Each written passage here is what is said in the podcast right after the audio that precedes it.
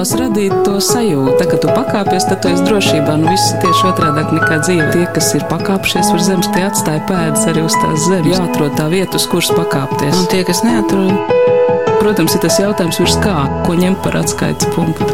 Augstāk par zemi. Augstāk par zemi. Augstāk par zemi.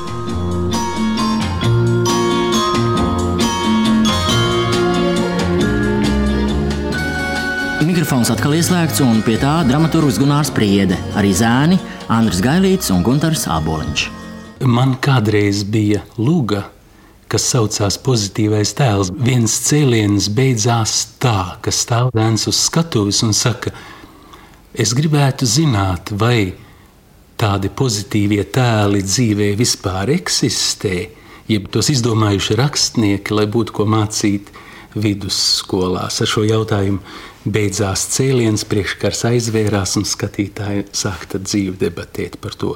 Nu, kā jums liekas, vai tie pozitīvie tēli ir tikai grāmatās, jeb dzīvē arī manīti? Neviens cilvēks jau nav dzīvē, viss caur pozitīvs.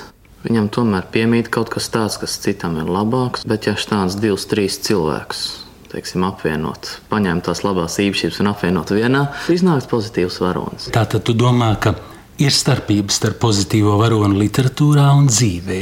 Tās es domāju, ka starpība tomēr ir. Bet tu esi redzējis tādus, kas Esiet sveicināti. Mans vārds ir Anna Buševica, un es turpinu iepazīt Latvijas radiofonotēku.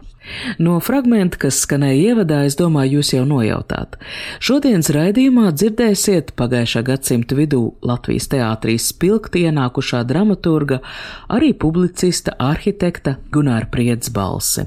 Un dzirdētais bija no žurnālista Raita Kalniņa veidota pionieriem domāta raidījuma Tu tik esi puika, kurā viens no sarunbiedriem ir aktieris Gundars Āboliņš. 1974. gadā viņam ir 14. Es nesen skatījos Latvijas televīzijas raidījumu Kultūrdevu, kurā grupas Inokentijas Mārpls līderis Raimons Lagimovs jeb Dāmbis intervijā teica, ka tā robeža starp pagrīdes un populāro muziku viņa prāt mūsdienās tikpat kā ir zudusi taču pastāv kāda atšķirība. Viens muziķis neskapēc rāda televīzijā, cits savukārt nē. Tas ir tāds savdabīgs cenzūras veids, ko jāatzīstās es pamanu pārskatot arī Latvijas radiofonotēku. Varbūt man būtu paticis šo raidījumu veidot par Vizmu Belševicu, nu pat publiskots viņas pagājušā gadsimta vidū rakstītās dienas grāmatas, taču radiofonotēkā ir tikai jau billes perioda Vizma Belševica. Man varbūt būtu paticis šo raidījumu taisīt par dumpīgo laiku dzējā, par pagājušā gadsimta 60. un 70. taču arhīvā nav ne Ulža Lēnerta, ne Aivara Neibārta balss. Toties Gunārs Priede, fonoteikas ierakstu skaita ziņā, ir absolūts līderis, lai arī mūsdienu teātra attiecības ar viņas savulaik spridzinošajām lugām ir tādas sarežģītas. Ciniskajai 20. un 21. gadsimta bijai pārāk pareizi skan viņa pēckara paudzei piederīgā pareizā didaktiskā valodā rakstītie dialogi, Lai gan priedes lūgu iestudējumu vilnis Latvijas teātros ir piedzīvots arī neatkarīgās Latvijas laikā. Laura Gundera jaunākā brāļa vasara jaunajā Rīgas teātrī, Mārtiņa Eihes smaržo sēnes Valmierā, Toma Trēņa zilā nacionālajā, taču režisoram ik reizi ir jārada kāda koncepcija, lai tiktu galā ar laikmetu kontekstu šajās priedes lugās. Savukārt, pārskatot intervijas, Un te nu jāatzīst, ka valodu ne tikai rakstniecībā, bet arī vēstulēs dienas grāmatās publicistikā izkopušais visu mūžu sabiedriskos amatos, tostarp Latvijas kinematogrāfistu savienībā un rakstnieku savienībā pabijušais Gunārs Priede, ir patiešām lielisks runātājs. Bez tam viņa paustās domas šajās intervijās iti nemaz neliekas citam gadsimtam piederīgas. Paturpināsim tagad sarunu par jaunā tipa varoni Gunāra Priedes lugās, un šī būs 1978. gada Gunāra Priedes saruna ar literatūras un teātra zinātnieku Viktoru Hausmani. Bet es domāju par jūsu pašu pirmo lugu. Jūs jau nācāt ar jaunu tā saucamā pozitīvā tēla, nu, vai traktējuma interpretācija, vienalga kā to sauc. Kas jūs ieinteresēja šādā jauna veida varonī? Toreiz jau es īpaši tādu teorētisko bāzi tam nesagatavoju. Man tādas nebija. Es biju aizņemts ar citu ko. Un, nu, laikam dzīve un tas viss, kas toreiz 50. gadu vidū tā viļņojās mūsu dzīvē, mūsu literatūrā, kaut kur laikam caur manu domāšanu atrada šādu izpausmes formu. Kad atbraucu uz Rīgu studēt arhitektūru, man teātris bija tāda atklāsme, ja Ventspēlī teātris nebija. Viena no pirmajām, ja ne pat pirmā izrāde, laikam bija Uguns un Nakts Dailes teātrī, kur es pavisam nejauši iekļuvu.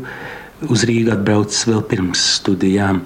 Un tas man likās kaut kas nepārspējami lielisks, kaut kas fantastisks ar visu to sevišķi ar proscēniju izmantošanu, jo es biļeti dabūju pie kases, kur kāds bija atnesis atpakaļ, kaut kur pašā priekšā. Es jutos kā uz skatuves, un, un tas man bija tāds sapnis. Un arī vēlāk studiju laikā ļoti bieži gāju uz teātri, pat sāku rakstīt recenzijas, kuras publicēja literatūru un mākslu. Un tad, skatoties mūsu lūgas, man tā likās, ka jaunieši tur viss ir ļoti vienādi, ļoti nenozīmīgi. Un tad pat atceros, ka bija recenzija kādreiz kādā no laikrakstiem par Dailas teātra izrādi jūras svējos. Jā, jā. Atvainojos, ka es pārtevos, bet tur tiešām šī doma ir uzsvērta, ka visi jaunieši ir ārkārtīgi vienādi, vienādi. un bez jebkādas savas mm -hmm. sejas. Pēc tam es lasīju recenzijā, Tad recenzents bija tam radis izskaidrojumu. Viņš teica, ka tas jau ir tā dabiski, jo cilvēks 18, 19 gadu vecumā jau nav izveidojies. Viņi jau viss ir tādi vienādi. Nu, tad es pilnīgi kaut kā palicos uz augšu, to izlasīju un domāju, ak, to tētīt, nu kā tad tā? Cilvēki nav vienādi bērnu dārzos. Jo tas iezīmēs nu katru rakstos. Pilnīgi spilgti. Viens ir tāds, un otrs tāds. Jānīt tur nevar savaldīt, un jūrīts jābīd, lai viņš kustās. Rīgā. Celtniecības tehnikuma absolventa Uģa Daugavieša istabiņa. Istabiņā pat labam Uģa brālis Egils ar savu nākamo sievu Ēriku. Egil, tavs jaunākais brālis jāsauc pie kārtības. Vilciens attiec septiņos desmit. Viņam laika diezgan. Viņam, bet mums Mēs atnācām viņu aizvadīt, bet viņš aizskrien un nerādās. Un labi zina, ka mums sešos cements. Zini, Egīla, man liekas, ka Uģim ir iebildumi pret mūsu mājiņu. Leģendārā jaunākā brāļa vasara, tapus dēls teātrī 1955. gadā, Pētera Petersona režijā, radio ieraksts tapis 1960. gadā. Klausies, Egīla, nu? ja Uģis būtu mans jaunākais brālis, es viņu nekur nelaistu. Pareizi. Rajona celtniecības tehniķis. Ko mazulis ar visu savu teicamnieka diplomu jēdz no celtniecības? Pagājušā vasarā uz būvis viņš. Uz būvis bijām kolektīvs, turējāmies kopā, viens otru aizstāvējām. Bet laukos, laukos viņš būs pilnīgi viens. Nepārspīli induli. Cilvēkam 18 gadu, beidzis tehnikumu, studējis, arhitekts būs. Un tā kā kaut kas no tā, kas tev uz tā ekrāna virbēja, un varbūt vir, vibrēja, un varbūt var likties spocīgi, kaut kas atspoguļo to. Nu, ne jau mēs tā lēkājām un smaidījām visu laiku, bet tomēr bija tāda. Bija iekšā, neskatoties uz visu, nu, vai tad nu, mēs neredzējām, kas apkārt notiek un kas notika 49. gadā, kad, kad mūsu lielākajā auditorijā uz mākslas vēstures lekciju kursā mēs bijām ap 80 un uz to lekciju 26. marta rītā ieradāmies kādi 15, 16 no tā. Atvainojos par skaņas kvalitāti, bet šis ir patiešām ļoti interesants, dokumentāls 1988. gadā tapis ieraksts. 1988. gadā, kad jau bija sākusies Gorbačovs sludinātā glasnosts, bieži sabiedrībā tika runāts par vēstures baltajiem plankumiem. Proti bija ļoti daudz būtisku vēstures notikumu, par kuru patieso norisi, cēloņiem, iemesliem uzzināt varēja tikai no cilvēku liecībām tiesībām. Un šajā tikšanās reizē Gunārs Prieda stāsta par nodomu 1950. gadā likvidēt Latvijas Universitātes arhitektūras fakultāti.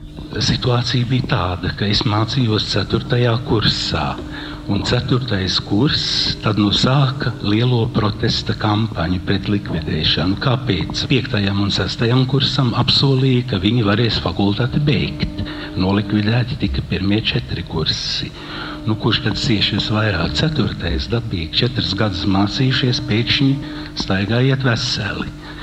Nu, un tad nu, mēs uzņēmāmies tur to vadību. Un tad šajā sakarībā man gribas teikt arī dažus vārdus par Staļinu.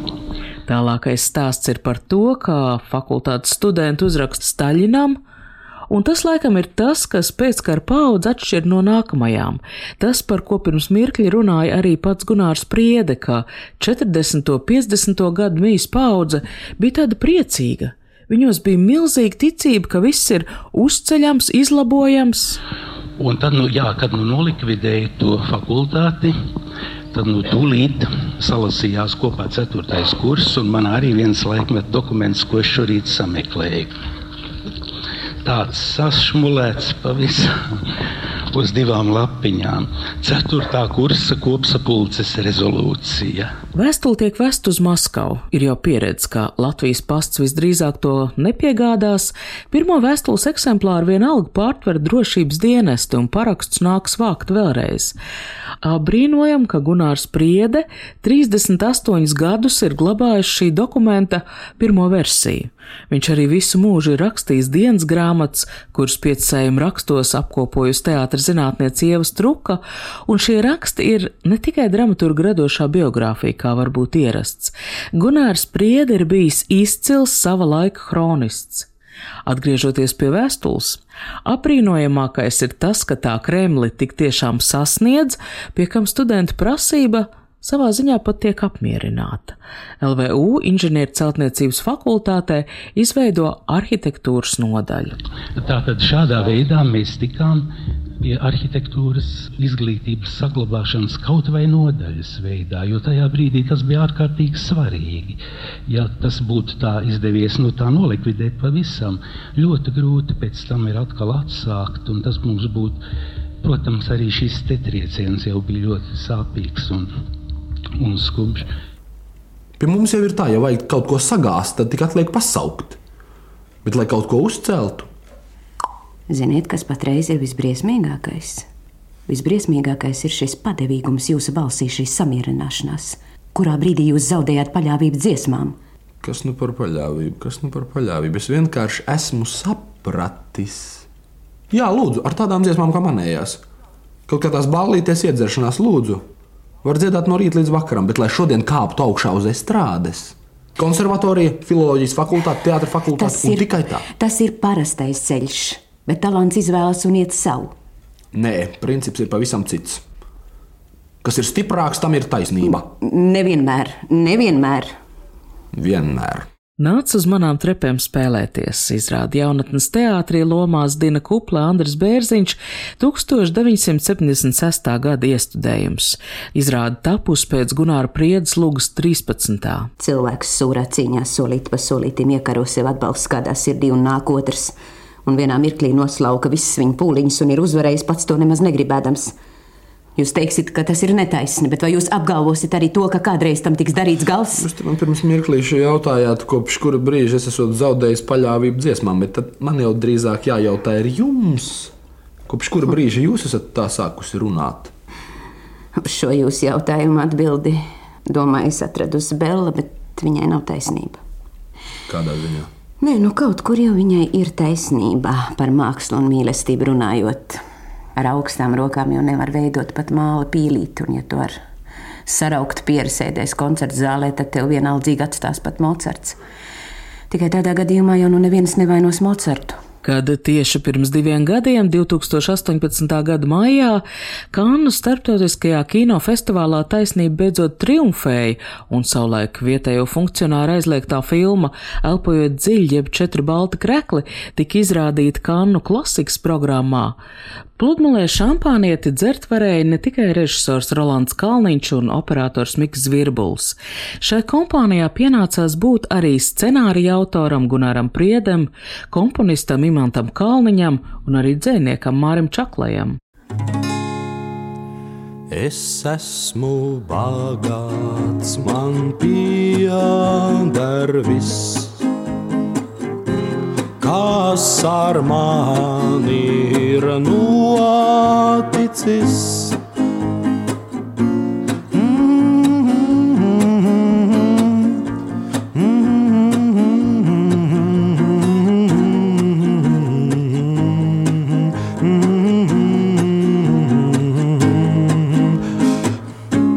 ātri skrējošās laimes stundas un gaidu minūtes garās. Bulvāri rudens, liesmās un dubļaini pavasari. Mm -hmm. Smaga ir tāda nasta, smaga vari pat aizmirst, kā esi bagāts.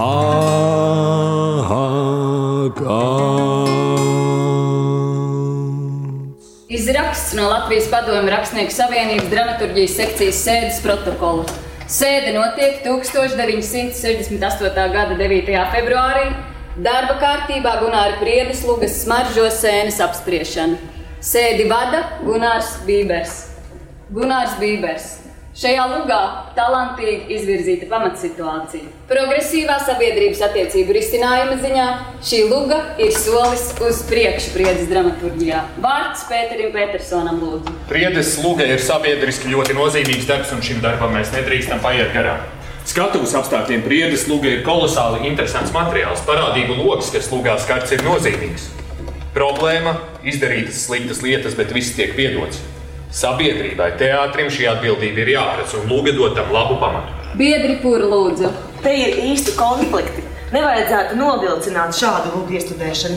Filma Četri balti krekli esot aizliegta, jo atbildīgajām personām neiepaticies jauniešu estētiskās audzināšanas sēdes skats. 1967. filmas iznākšanas gadā identiskā situācijā nonāk pats dramaturgs kad uzraksta vienīgo padomu laikā oficiāli aizliegto lugu Smaržo sēnes. Šīs lugas 2015. gada iestudējumā Valmīras drāmas teātrī sēdes protokols izrādē izmanto režisors Mārtiņš Eihe. Noslēgumā vārds pašam autoram Gunāram Priedem lūdzu. Man jau pietiktu ar šo sirsnīgu attieksmi vienu, jo lūgu tūlīt uz skatuves neparādītos. Henrijs Vels izteicies, ka rakstnieks mirst tad, kad izjūt bailes no riska. Viss lugā notiekošais, tas viss vēl mums ir tepat apkārt. Mēs nespējam atkāpties un paskatīties no malas un pateikt absolūto spriedumu. Vai lūgu izrādīs? Par to es nedomāju.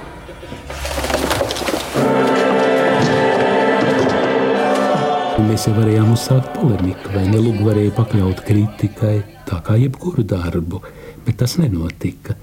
Notika nu, klāja administrēšana, nost prom ārā. Lugas smaržo sēnes par spīti kolēģi labvēlīgajām atsauksmēm tiek iestudēta tikai 21 gadu pēc sarakstīšanas, 1988. gadā, kad to jaunatnes teātri iestudē Oļģerts Kroders. Fragments no intervijas ar žurnālistu Aldu Briedi 1988. gads. Jūs pieminējāt tādu terminu kā nodeva, ja nodevu maksāšana, vai jūs to arī uzskatītu kā tādu cīņas formu? Teiksim, lai rakstnieks, mākslinieks varētu pastāvēt, un kā šāda nodevu maksāšana, kādu iespēju vispār atstāja uz mākslinieku, uz rakstnieku psiholoģiju, sirdsapziņu. Es domāju, ka nekādu labojumu nē. Un man tā vienmēr cenšoties kaut kur tā aiziet nu, tālāk. Vajadzēja rēķināties ar kādiem pieņēmumiem, nu, piemēram, par kaut ko nerunāt, bet runāt to kas nav, vai iet iekšā kādā tādā falšībā. Mani liktenis no tā ir laikam pasargājis. Es vismaz tā domāju, ka neesmu tā darījis, jo bija gan man tāda īpatnība, varbūt ar kolēģiem salīdzinot, ka es jau nekad neesmu bijis profesionāls dramaturgs. Es vienmēr strādāju. Nu, piemēram, pirmās piecas vai sešas lugas rakstot, es biju skolotājs. Visu laiku neaizgāju no darba. Pēc tam strādāju kino studijā, tad citur, nu, dažādos amatos un darbos. Maizīte bija gan man, gan cilvēkiem, par kuriem es biju atbildīgs.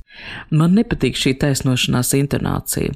Es mēģinu par Gunāru priedi domāt mazliet savādāk, nu, piemēram, ko viņš darītu šodien un iespējams jau šobrīd saulainās arhitektūras laukos viņa abi ar Mārtiņu Čibildu vada raidījuma adreses, jo abos publicistos ir fantastiska spēja reālās dzīves faktus savienot ar ētiskiem ideāliem, ar tādu vērienīgu, visaptverošu skatījumu uz arhitektūru.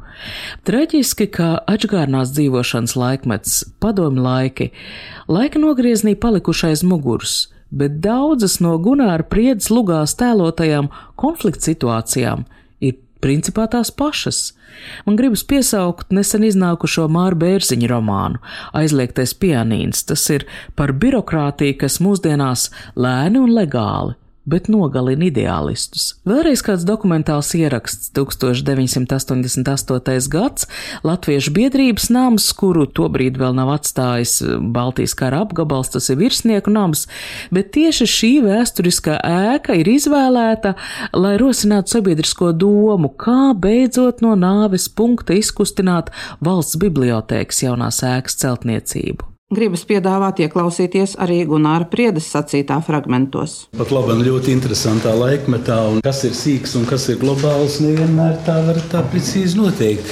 Piemēram, pavisam nesen laikrakstā Maskovskija novosti tāda interesanta informācija parādījās, un proti Murmanskā viena baznīca, nu tur sākus brukt kopā, un draudzi nolēmusi uzcelt jaunu un uzcēlusi Pie tam sākotnējā projekta izmaksa bijusi 1 miljons rubļu, bet tā kā strādnieks atraduši aizkarpat Ukrainā, tas ir gucuļus un paši strādājuši līdz 500 tūkstošiem, uzcelta tā baznīca 2500 vietām.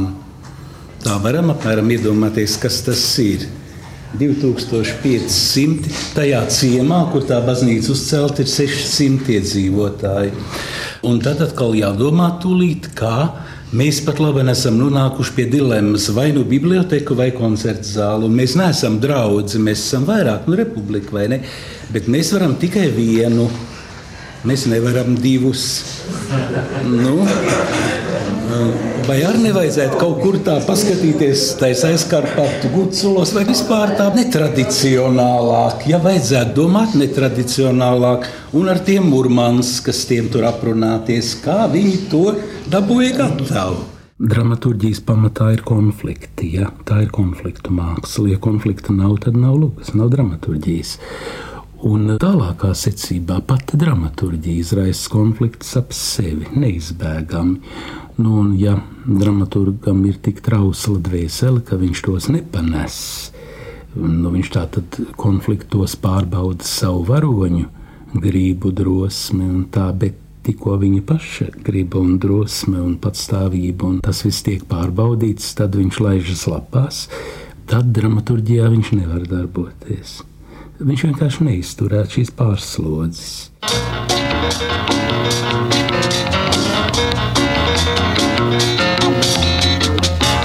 četri balti krekli ir jaunam cilvēkam, tas iziet var caur dzīvi bez lielām pārdomām.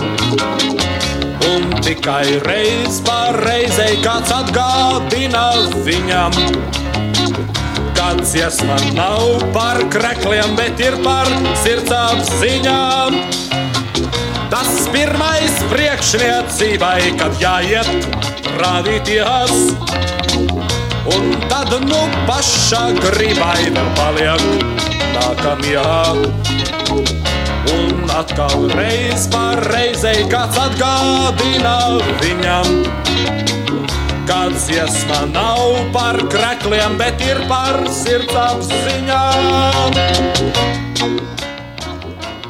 Cik bieži savā dzīvē aizmirstam, ka dziesma nav par krekliem, bet par mūsu vājumu, par vieglu izdzīvot gribēšanu, par īsu atmiņu, par vienaldzību, par atbildības trūkumu. un acīs patiesībai negribas skatīties, jo tad zustu mūsu miers, un mēs ieraudzītu, kā pilienu pa pilienam ikdienas ritmā izsusē tas, kādēļ mēs pasaulē vispār dzīvojam. Pats galvenais - īsta cilvēcība, kura iesāks vispirms ar atbildību par sevi, par cilvēku blakus, par savu tautu, par sev atvēlēto laiku. Un tad ir labi, ja kā atgādinātājs atnāk mākslinieks un saka, lietas jāsauc īstajos vārdos. Šis pēdējais fragments, lai skan Silvijas Radzobas piemiņai. Latvijas rādio fonotēkā atrod 1978. gada raidījumu, kurā tobrīd 28 gadus vecā teātris zinātniece klausītājiem skaidro tēmu Atbildības koeficients mūsdienu drāmā. Varbūt mūsdienās diktors Laumas amatnieces nolasītais Silvijas Radzobas teksts mazliet atgādina svētrunu. Bet varbūt arī 1972. gadā sarakstītā Gunāra Priedes zilā un teātris to laiku kopumā patiešām arī kalpoja kā baznīca. Tā bija vieta, kurā cilvēks atjaunoja savu zināšanu par dzīves vērtību piramīdu, un šajā radio raidījumā Gunāra Priedes lugu vēstījumu vēlreiz atkārto un vēl pastiprina teātris zinātnieces teiktais. Arī mūsdienu drāmā viens no galvenajiem kritērijiem cilvēka morālo vērtību noteikšanā ir viņa spēja būt atbildīgam. Ļoti dažāds ir šīs atbildības koeficients.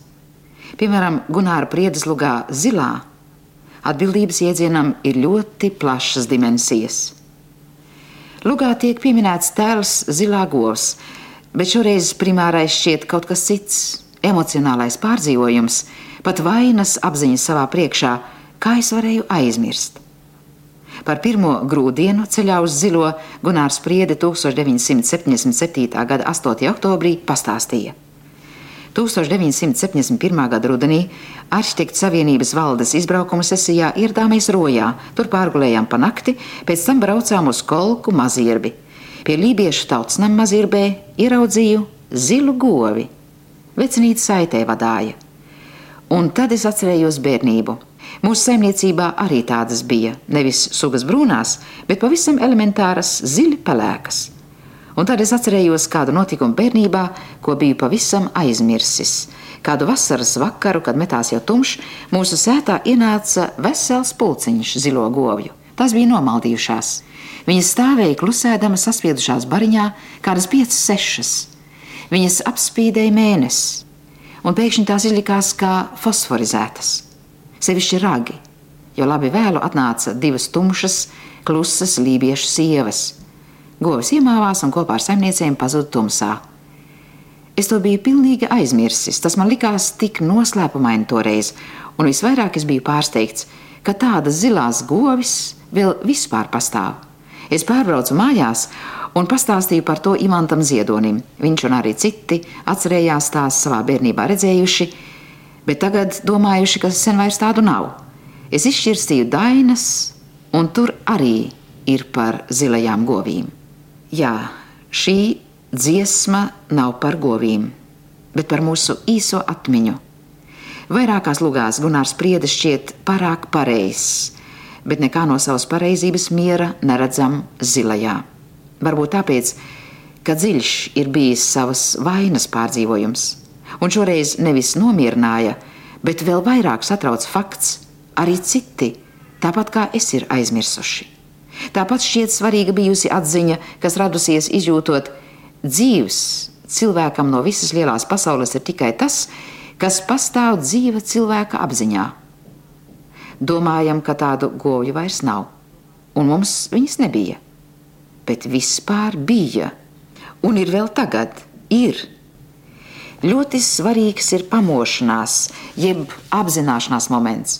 Kā Lūgas galvenajam varonim Jurim, bez kura nebūtu sāpes, traģēdijas, nāves, bez kura nebūtu cilvēka.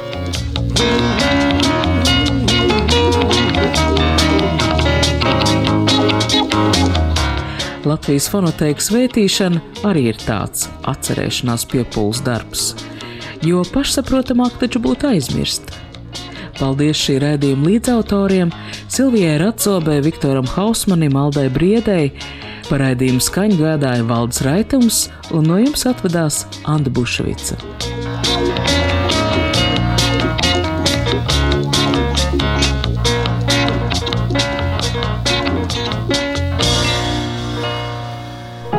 Kā tu pakāpies, tad tu esi drošībā. Nu, viss ir tieši otrādi nekā dzīve. Tas ir tā spēle, jā. Tie, kas ir pakāpšies virs zemes, tie atstāja pēdas arī uz tās zemes. Protams, ir tas jautājums, ko ņemt par atskaites punktu. Nē, nu, principā ir skaidrs, augstāk par zemi. Jāatrod tā vieta, uz kuras pakāpties. Augstāk par zemi. Augstāk par zemi. Augstāk par zemi.